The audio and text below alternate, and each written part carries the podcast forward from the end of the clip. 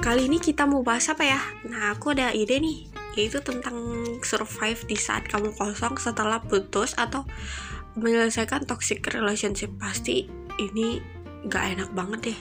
Gue udah pernah coba, rasanya gak banget. Nah, ini nih survive saat kamu kosong boleh dicoba untuk self healing juga. Nah, berikut dari dari aku yaitu yang pertama ikhlasin semua yang telah terjadi karena sesuatu itu pasti ada hikmahnya Tuhan kirim ke kita. Yang kedua beribadah. Kalau perlu kamu doanya sering-sering deh ke Tuhan beri kabul cepet. Eh yang ketiga yaitu self love lakuin apa yang bikin kamu seneng. Kayak dengerin lagu dan dan ngapain deh gitu.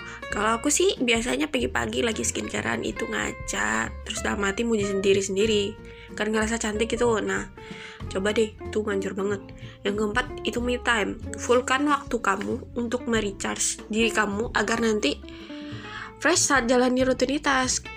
Nah yang kelima upgrade diri kamu. Misalnya ikut pelatihan volunteer internship dan lain-lain. Itu buat kamu berbeda deh dari yang sebelumnya.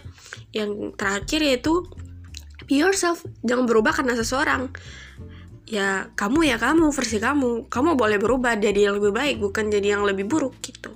Oke jangan hilangkan ciri khas kamu. Yang terakhir itu aja deh kayaknya dari aku. Semoga membantu. Wassalam